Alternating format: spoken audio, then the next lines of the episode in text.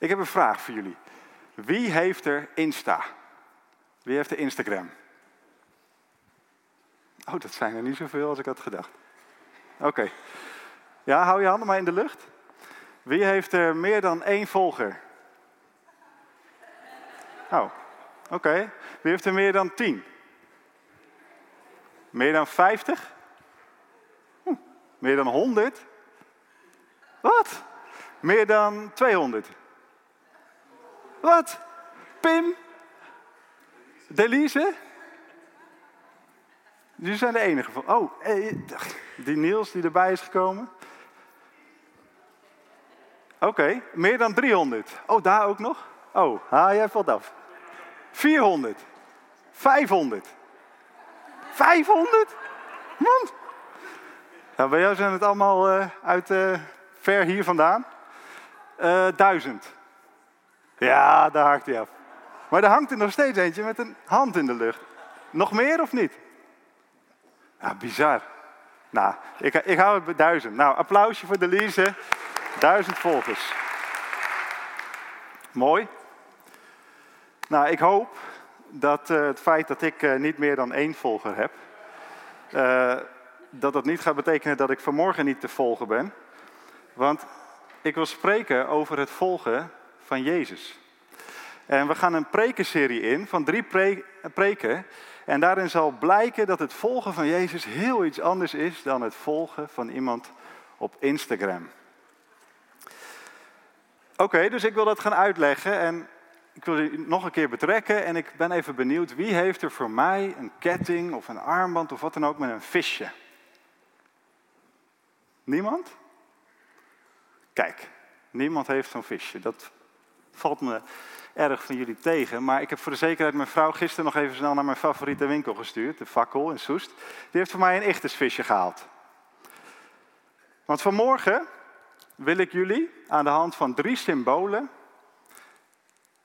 drie aspecten gaan uitleggen van het volgen van Jezus. En het eerste symbool is dit visje.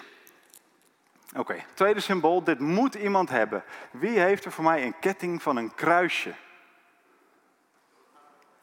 Ja? Top. Mag ik hem hebben?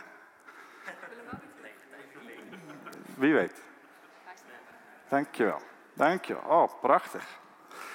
Mooi kruisje. Nou, wie heeft er, dit zal ook wel iemand hebben, een trouwring voor mij? En het liefst een gouden. En niet al te oud, want dan zit hij helemaal in je vinger vastgeworteld. Een gouden? Even kijken, ik leg hem even hier. Wie? Ah, ja. Nou, mag ik hem? ja? Hij is al los zelfs. Kijk. Een gouden ring. Oké, dus we hebben een vis. We hebben een kruis. En we hebben een gouden ring. En vanmorgen wil ik, dat beloof ik jullie alvast, drie aspecten van het navolgen van Jezus toelichten aan deze drie symbolen, aan de hand van deze drie symbolen. Even kijken. Dus als je dat niet hoort vandaag, dan kan je mij erop aanspreken. Jezus navolgen als discipel. Als je dat wil, als je zijn discipel wil zijn, dan houdt het in dat er in ieder geval drie aspecten voor jou gelden. Oké, nou luister maar goed. We gaan een Pak je Bijbel er vooral bij. Marcus 1, we gaan een, st een stuk lezen.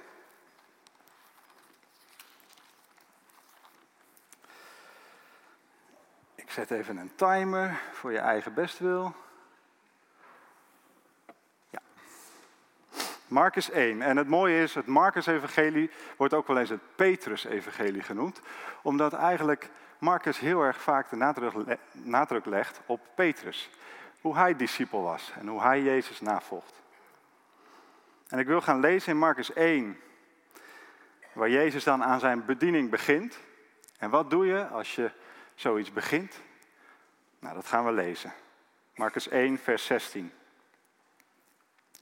Jezus is dan het evangelie aan het verkondigen. En dan staat er, en toen Jezus bij de zee van Galilea wandelde, zag hij Simon en Andreas, zijn broer, het net in de zee werpen. Want ze waren vissers. En Jezus zei tegen hen, kom achter mij. En ik zal maken dat u vissers van mensen wordt. En zij lieten meteen hun netten achter en volgden hem. En toen hij vandaar wat verder gegaan was, zag hij Jacobus, de zoon van Zebedeus, en Johannes, zijn broer, die in het schip de netten aan het herstellen waren. En meteen riep hij hen, en zij lieten hun vader Zebedeus achter in het schip met de loonarbeiders en gingen weg, hem achterna. Wat lezen we hier? Wat we hier lezen is dat Jezus zijn eerste discipelen roept. En als wij de komende weken willen kijken wat het is om Jezus te volgen, en we beginnen bij het, hoe het is om Jezus te volgen als discipel, hoe mooi is het dan om te kijken naar hoe Jezus die discipelen dan roept. En de eerste die hij roept is Simon, die later Petrus wordt genoemd. En in dit Petrus-evangelie gaan we zien hoe zijn leven verloopt. We gaan zien hoe in zijn leven alle drie de aspecten van het visje, van het kruis en van de gouden ring, hoe die terug gaan komen. Daarvoor kijken we naar Petrus, een voorbeelddiscipel. Want wat een man zeg. Wat, kijk, kijk dit nou. Kom achter mij en ik zal maken dat u vissers van mensen wordt. En wat doet hij? Hij laat alles achter. Hij laat ze netten achter. Hij laat zijn schip achter. Zijn hele inkomstenbron. Hij laat het gewoon achter. En hij volgt Jezus. Wat een modeldiscipel. Maar wat is eigenlijk een discipel? Ik bedoel, dat woord dat kennen de meesten van ons wel. Een discipel, ja, dat is toch een soort leerling. In sommige vertalingen is het ook vertaald als leerling. Je kan gaan zoeken op internet, wat betekent dat nou eigenlijk? En heel vaak wordt direct het verband gelegd met het christelijk geloof. Een discipel van Jezus, ja, dat is een leerling, maar wat is het nog meer? Ja, een leerling die Jezus woorden hoort, maar die ook er alles aan doet om die woorden in te zetten, om te worden als Jezus. Een discipel is misschien wel meer dan een leerling alleen, maar ook iemand die met wat hij leert iets gaat doen. Hij gaat kijken van wie hij het leert en dat hij er alles aan doet om te worden als hij. Zo'n discipel is Petrus. En zo'n discipel is, als je goed naar de tekst kijkt, volgens mij ook wie Jezus zoekt. Want wat zegt hij? Hij zegt: Kom achter mij. Kom achter mij. Misschien staat er in jouw Bijbel wel: Volg mij. Zo kan het ook vertaald worden. Maar letterlijk staat er: Kom achter mij. En als ik Chris zou vragen om hier voor mij te gaan staan, hè? op het podium. En Jannie kijkt naar mij. Wat ziet u dan? Dan ziet u Chris. Want Chris is groter dan ik en hij staat voor mij. Dus als ik achter Chris ga staan, wie ziet u dan? Dan ziet u Chris. Zo vraagt Jezus volgens mij hier op dit moment van Petrus, helemaal aan het begin van, van ja, zijn discipelschap, kom achter mij, want ik wil dat als mensen naar jou kijken, dat ze mij zien. Misschien zeg je ja, dat is wel een beetje ver gezocht, maar dit principe zie je ook terug als het later gaat over discipelen. In handelingen bijvoorbeeld. Als de discipelen steeds meer op, op meer plekken komen, dan komt er een moment dat ze in Antiochië komen. En dan zijn die discipelen zo als Christus, dan lijken ze zo op hem dat mensen beginnen met een naampje geven aan die mensen. En wat zeggen ze tegen die mensen? Die discipelen, dat zijn net kleine Christus, Christussen, kleine Jezusen. Dat zijn christenen. Dat is wat zij voor stempel opgedrukt, opgedrukt krijgen. Sorry, vooral omdat, omdat ze zo lijken op Jezus. En dat is de discipel waar ik vanmorgen dus drie aspecten van wil belichten. De discipel die achter Jezus komt. De discipel, als je naar hem kijkt, dat je Jezus ziet. Jezus volgen, zou je kunnen zeggen, is als Jezus worden. En als dat is wat je wil, als dat jouw keuze is geweest of gaat zijn, of als je denkt dat jij een volgeling bent van Jezus, en ik stel mijzelf deze vraag voortdurend, als ik denk dat ik een volgeling van Jezus ben, als ik zijn discipel wil zijn, dan moet ik achter hem komen. En wat gaat er dan gebeuren? De drie aspecten die ik heb beloofd. Ik heb hier een vis. Want wat zegt Jezus? Hij zegt, kom achter mij. En dan, wat zegt hij dan vervolgens? Dan zegt hij, en ik zal maken dat u vissers van mensen wordt. Oké, hoe zou je dat nou moeten horen? Ja, zij waren vissers. En dan zegt Jezus, ik ga zorgen dat je vissers van mensen wordt. Wat, wat wil dat nou zeggen? Het is eigenlijk heel raar om te zeggen, je wordt visser van mensen. Je vist toch niet op mensen? Je zou denken dat je gaat mensen op mensen. En, maar eigenlijk wat Jezus daarmee wil benadrukken, denk ik. Letterlijk staat er, jullie vangen nu vis, maar ik zal maken dat je mensen vangt. En ik geloof dat hij daarmee wil benadrukken, je doet nu werk voor jezelf. Je doet nu mensenwerk. Jouw werk is nu gericht op, op het verzamelen van inkomsten, verzamelen van je eigen voorzieningen. Voor, voor alles wat je zelf nodig hebt, je bent bezig met mensenwerk. En als je mij volgt, als je achter mij komt, dan ga ik maken dat je vissers of vangers van mensen wordt. Want wat is dat? Dat is Gods werk. God vist niet, God menst. Hij gebruikt notabene vis om mensen te mensen. Want er staat in de Bijbel dat hij door zijn schepping zichzelf openbaart. En mensen tot geloof brengt. En laat weten dat hij zijn kracht en zijn goddelijkheid bezit. Dat doet hij door zijn schepping. Dus met vis menst hij op mensen. Dat is Gods werk. En hij wil dat wij dat gaan doen. Dat is wat hij belooft als je achter hem komt. Als je achter Christus komt, zal Hij maken dat je niet langer werkt wat mensenwerk is, maar je werkt wat Gods werk is. Oké, dat is aspect 1. Aspect 2, en onthoud, we zijn Peters aan het volgen, is een stuk moeilijker. Want wat gebeurt er als je een paar, ja, je hoeft niet per se mee te bladeren, want ik ga het allemaal niet precies lezen, maar een paar bladzijden verder gaat in Marcus 8, wat gebeurt er dan? Die modeldiscipel Petrus, die al van het begin af aan zegt: Oké, ik laat alles achter. Ik kom achter u. En meteen al hoort, ja, en dan ga je mijn werk doen, dan ga je Gods werk doen. Die modeldiscipel, die wordt gevraagd: Wie denk je dat ik ben? Jezus zegt: Petrus, wie denk je dat ik ben? Hij vraagt het aan al zijn discipelen, maar Petrus is degene die reageert. En wat zegt hij? U bent de Christus. U bent de Messias. U bent diegene waar we al die eeuwenlang al naar verlangen. Die in de profeten staat beschreven. Die zal komen, die ons zal verlossen. U bent de Christus. Wauw, wat is die Petrus een modeldiscipel. Wat wil je nog meer? Je zoekt discipelen. Je vraagt of ze achter je komen. Ze laten alles achter. En als je vraagt wie ben je, weten ze precies wie je bent. Nou, wat wil je nog meer? Maar dan komt dat kruis ineens tevoorschijn. Want als Petrus dat gezegd heeft, zegt Jezus ineens wat die Christus, wat die Messias, dan allemaal mee zal gaan maken. En hij zegt, ik zal veel moeten lijden. Ik zal verworpen worden. Ik zal doodgaan. En ik zal opstaan. Dat zegt hij dan ook al hey, dat is niet wat Petrus had verwacht. Hij zou toch mensen gaan vangen? Ze zouden toch samen de wereld gaan veroveren? Nee, mensen vangen, dat gaat misschien wel helemaal niet zoals Petrus dat dacht. Want je moet goed begrijpen, in die tijd dachten ze vooral dat een Messias, een Christus, ervoor zou zorgen dat al die Romeinen wel even een kopje kleiner zouden worden geslagen. En als Petrus daar geroepen wordt en hij hoort, ja, kom, we gaan mensen vangen, we gaan de wereld veroveren. Ik weet niet of hij het zo heeft geïnterpreteerd, maar het zou kunnen. Dan, dan is hij de eerste die achter hem aangaat. Maar als Jezus zegt, en het zal betekenen dat ik zal lijden en dat ik dood zal gaan,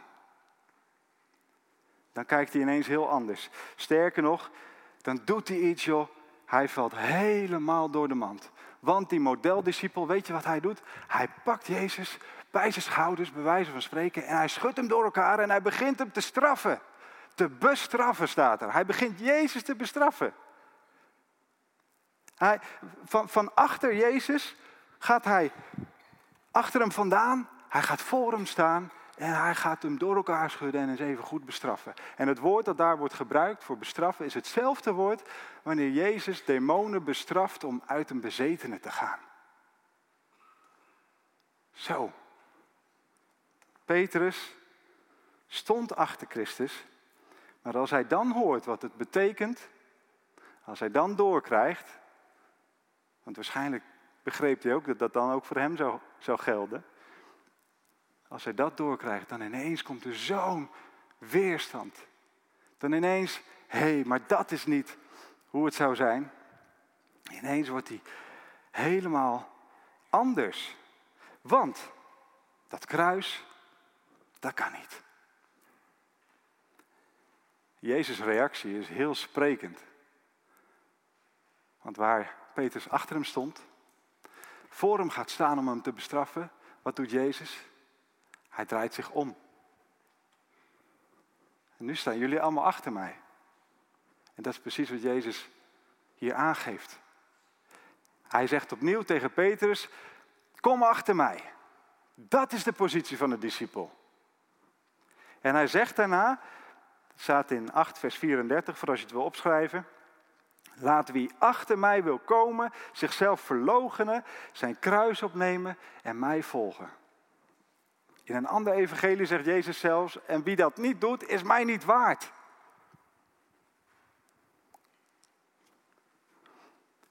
En dan zegt hij, want wie zijn leven zal willen behouden, die zal het verliezen. Maar wie zijn leven zal verliezen omwille van mij en om het evangelie, die zal het behouden. Dus we hebben een aspect. Wie Jezus wil navolgen, zal altijd Jezus moeten navolgen in zijn werk. Dat is deel van het discipel zijn. En we hebben nog een aspect. Wie Jezus wil navolgen, moet Jezus ook navolgen in zijn weg. En die weg die leidt naar het kruis. Je moet je kruis dragen. Ik moet mijn kruis dragen. Elke dag weer merk ik dat. Ik bedoel, ik, ik heb een zoon ontvangen van God. Ik bedoel, ik heb op mijn knieën gezeten uit dankbaarheid dat ik een zoon mocht ontvangen. Maar op het moment dat die zoon er dan is en hij neemt al mijn slaap weg en hij, hij huilt en ik heb geen vrije tijd meer en ik ben alleen maar elke keer bezig met, met hem. Oh, dan, dan groeit er iets in mij en ik ben er niet trots op. Maar dan ineens merk ik bij mezelf dat ik ga vechten voor mezelf. Ja, ik heb toch recht op wat vrije tijd. Ik heb toch recht op wat slaap. En ineens word ik heel egoïstisch. Nou, dat is even een, een klein voorbeeld uit mijn eigen leven hoe ik merk dat Jezus volgen en je kruis op je nemen in elk aspect van je leven heel moeilijk kan zijn. Want het gaat een beetje tegen de natuur in. En als God mij een zoon geeft en mij vraagt om hem op te voeden. En ik zeg, nee, nee, nee, ik heb vrijheid nodig, ik heb dit nodig. Nou ja, dat kruis is waar ik naar moet kijken. En dat zijn weg, Jezus zijn weg, behelst veel meer dan het kruis. En het kruis behelst veel meer dan geen slaap krijgen.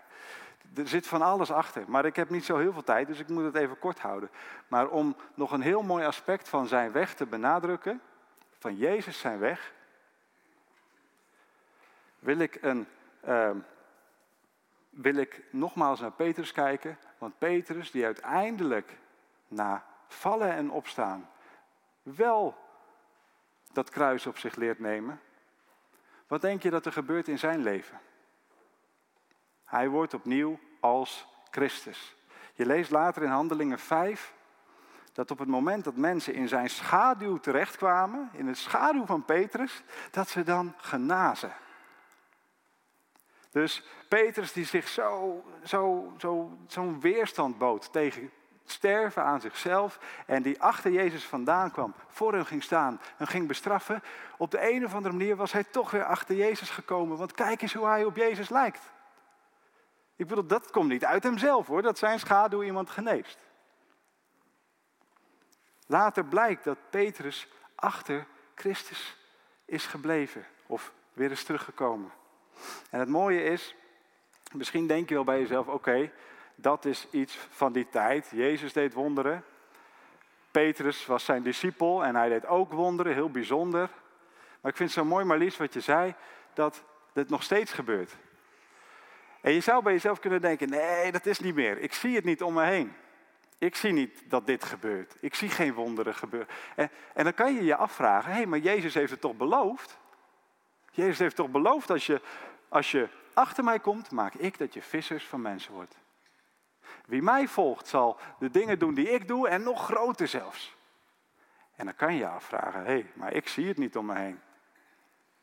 Ja, oké, dat Petrus dat doet, ja, maar dat is Petrus. Nou, dan wil ik je bemoedigen. Ik, ik hoorde laatst een preek van Francis Chan. Ik weet niet of mensen die kennen. Een vrij bekende uh, spreker, denk ik wel. Op YouTube, als je zijn naam intypt, dan heb je ongeveer 10% van mensen dat ze zeggen dat hij een dwaalleraar is. Maar dat is bij elke predikant die op YouTube staat. En voor de rest is het allemaal preken over je kruis opnemen, over Jezus volgen, over radicaal leven voor Hem.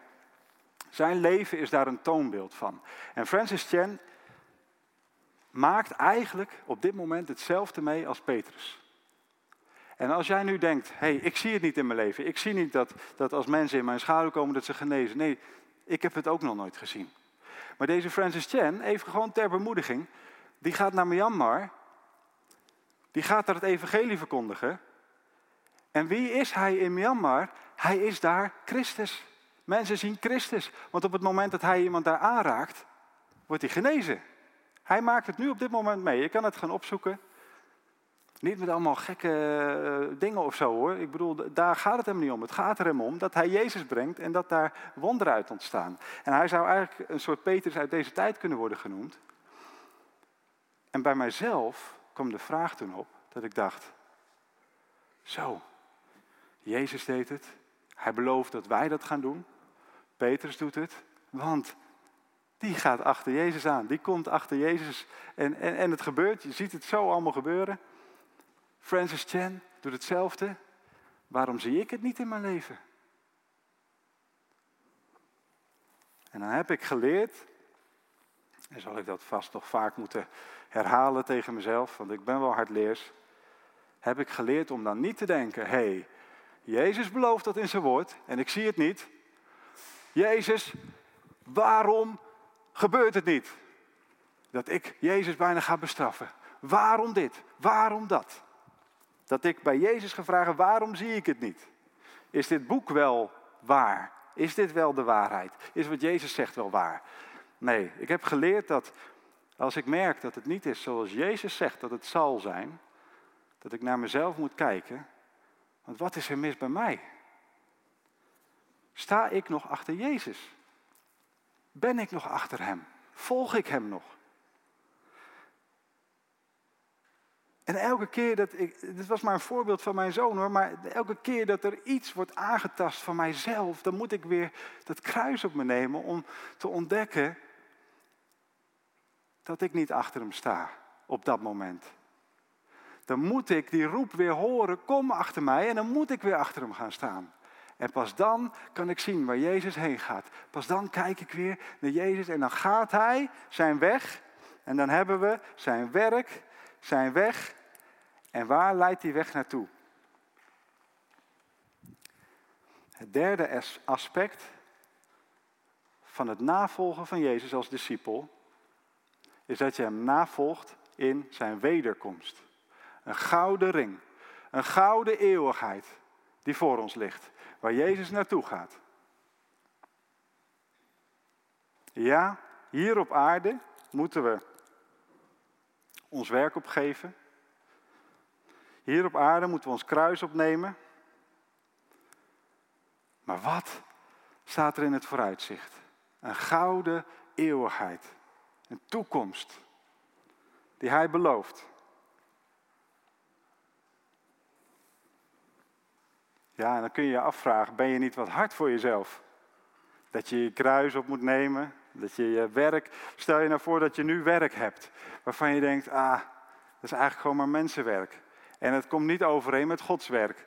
Ja, moet ik het dan nu gaan opzeggen? Moet ik dan nu mijn baan opzeggen? Moet ik dan evangelist worden? Ja, het is toch helemaal niet gek dat ik een beetje geniet van het leven. In prediker staat dat God wil dat wij genieten van het leven. Dat hij, daar, dat hij dat mooi vindt om te zien, dat je geniet van het leven, toch? Ja, moeten we dan zo verschrikkelijk hard voor onszelf zijn als een Calvinist. Dat we met zwepen op onze rug zo gebogen een beetje door het leven gaan. Oh, wee mij. Is dat dan wat, wat Jezus wil? Jezus zegt per slot van rekening, mijn juk is zacht en mijn last is licht.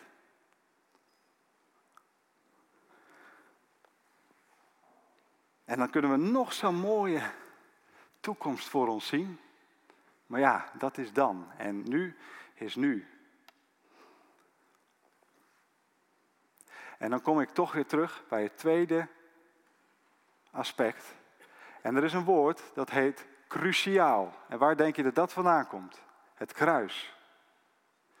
Dit is cruciaal. Om dit te zien. En betekent dat die klokkenluider van de Notre Dame versie die ik net voor ogen schetste? Nee. Deels wel. Maar Jezus zegt, mijn last is licht en mijn juk is zacht. Dus hoe zat dat ook alweer? Ik ben eens in die tekst gaan duiken en weet je waar ik achter kwam? Die tekst waar Jezus dat zegt, waar hij zegt, alle die vermoeid en belast zijn, neem mijn juk op je. Dat dat gaat over de ziel. Hij heeft het over de ziel. En het mooie is, vlak daarvoor heeft hij het ook over de ziel, maar ook over het lichaam. En dan zegt Jezus ineens: Oké, ben jij bang voor diegene die jouw lichaam te gronden kan richten, maar jouw ziel niet aan kan tasten? Of vrees jij degene die zowel je lichaam te gronden kan richten als je ziel? Als Jezus zegt, mijn juk is zacht en mijn last is licht, dan bedoelt hij niet, jouw leven wordt fantastisch als je mij volgt. Dan bedoelt hij niet, ik wil niet ik, ik, ik zorg in jouw leven dat je niet ziek wordt. Dat zegt hij niet. Dat bedoelt hij niet als hij dat zegt. Wat hij bedoelt is dat jouw ziel rust zal vinden bij hem. Dat jouw ziel geen last meer draagt. Dat jouw ziel merkt dat alles wat op je drukt in deze wereld verdwijnt. En dat je de eeuwigheid hebt. Dat jouw ziel behouden wordt. Dat jouw leven behouden wordt. Maar je hebt ook dat lichaam nog. En dan zegt Jezus, moeten we niet veel meer vrezen voor diegene die zowel het lichaam als het ziel te gronden kan richten. De God die alles heeft gemaakt. Hij is degene die we moeten aanbidden. Niet degene die alleen je lichaam te gronden kan richten.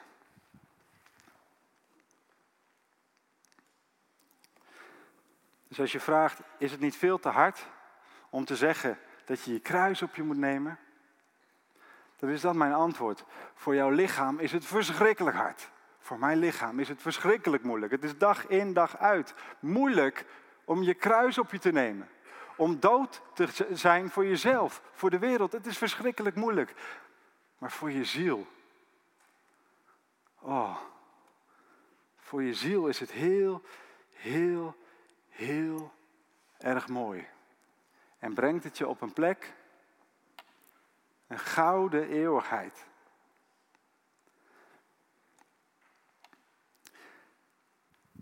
Alsnog zijn we hier en nu. Alsnog is het helemaal niet zo simpel. En ik, ik merk dat zelf ook van, ja, we hadden het net over, eh, we zullen opstaan. En dan, uh, hoe gaat het ook weer? Je zal het zien, dan komt hij net terug of zoiets.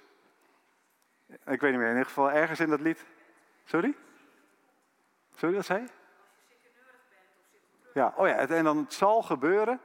En ik dacht als kind altijd van, oh, dan ben ik net op dat moment een extra pepermuntje uit de snoeptrommel aan het pikken. En dan, oh, het zal gebeuren, zeg, dan komt Jezus terug. Maar ja, het is natuurlijk best wel een gedeelte in, in de Bijbel waar Jezus zegt, oké, maar hoe zal ik je aantreffen? En ik heb die gedachte gelezen, hoe zal hij mij aantreffen?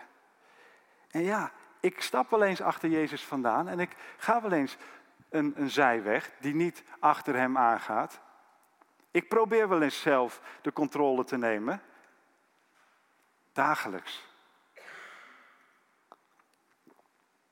En de discipelen, of ze nou een modeldiscipel waren of niet, als Jezus ze vraagt om met hem te waken op zijn moeilijkste uur, ja, wat doen ze dan? Ze vallen in slaap.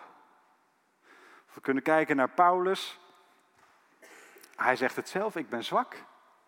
Als ik iets wil doen, omdat ik weet dat het goed is, dan lukt het niet. En als ik iets niet wil doen, ja, dan is dat nou juist precies het ding wat ik doe. Het is iets voor ons allemaal. Het is ontzettend moeilijk. Je kunt geen modeldiscipel zijn. En dat is nu precies wat God wil. Dat je ontdekt, ik kan het niet. God wil dat je ziet dat jij het niet bent die het gaat doen. God wil dat je ziet dat jij niet in staat bent om Hem volmaakt te dienen. Want het grootste gevaar dat je kunt lopen is dat je denkt dat je het zelf kunt.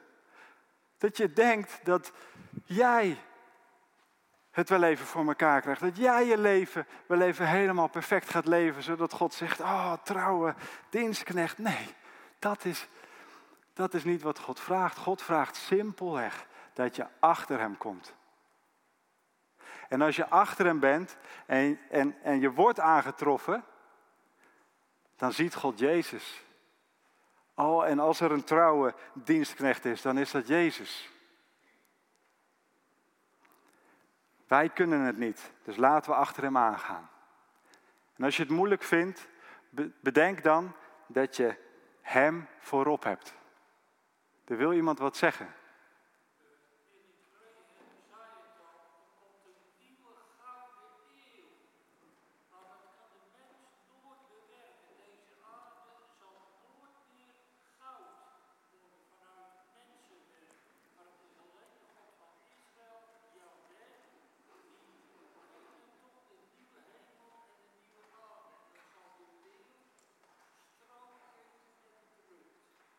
Ja, amen. Wij als mensen zullen het nooit voor elkaar krijgen om die gouden tijd te creëren of ja, voor elkaar te boksen of wat dan ook. Nee, we zijn afhankelijk van Christus en wij zullen Hem navolgen als wij achter Hem komen. Als we Zijn discipel zijn, dan is dit een aspect dat jij gaat meemaken. Dat geldt voor jou, dat geldt voor mij.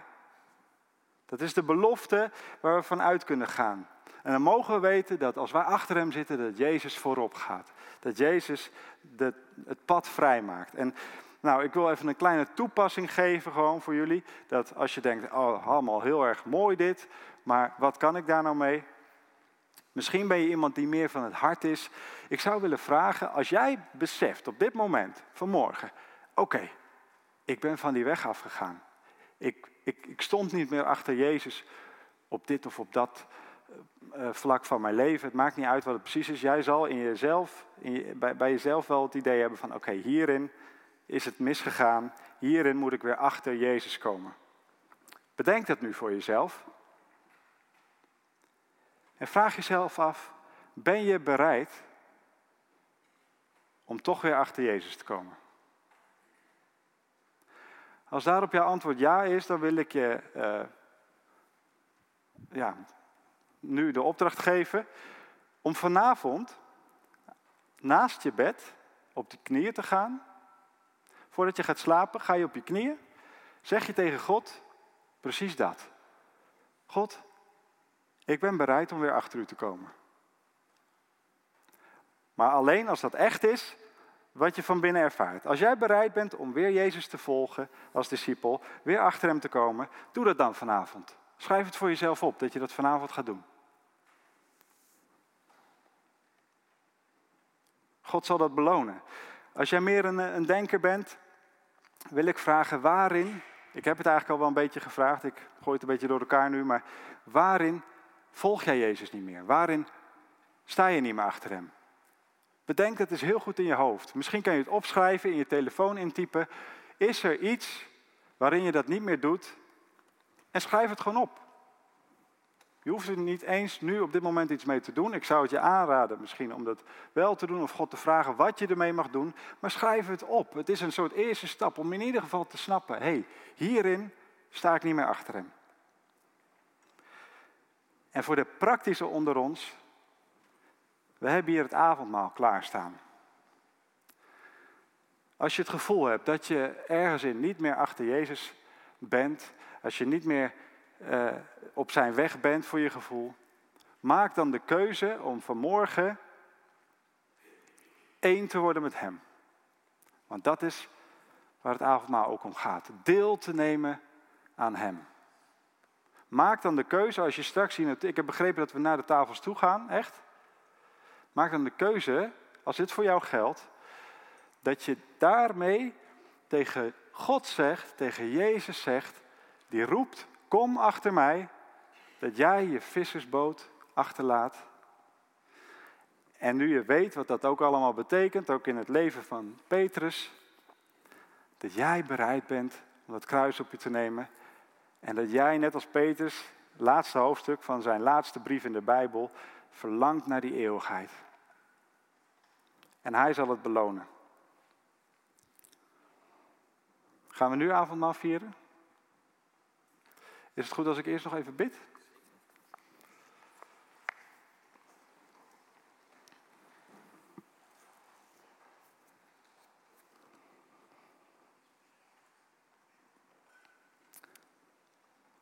Jezus, ik geloof dat u ons allemaal roept. Ik geloof dat u dat uw woord overal wordt gezaaid. En mijn verlangen, Heer, is dat hier op deze plek, maar iedereen die dit hoort, Heer, maar ook in de wereld, in, in Soest, in onze omgeving, dat het woord dat u zaait, dat het zal worden ontvangen, dat mensen het zullen aannemen, dat ze niet zullen toelaten dat op het moment dat duidelijk wordt wat u vraagt, namelijk om te sterven aan jezelf. Dat ze niet zullen toelaten dat doorns en distels, de verleidingen van de wereld, de rijkdommen, dat woord zullen verstikken. Help mij, heren, om dag in dag uit u te volgen. Help mij te zien, help ons te zien, waarin wij niet meer achter u staan. En voor mij geldt in ieder geval, heren, en ik bid dat het voor ons hier allemaal is, dat we op onze knieën willen gaan en willen vragen, help ons u te volgen. We beleiden dat u Heer bent. We beleiden dat we achter u moeten komen. We beleiden dat u het bent en niet wij zelf.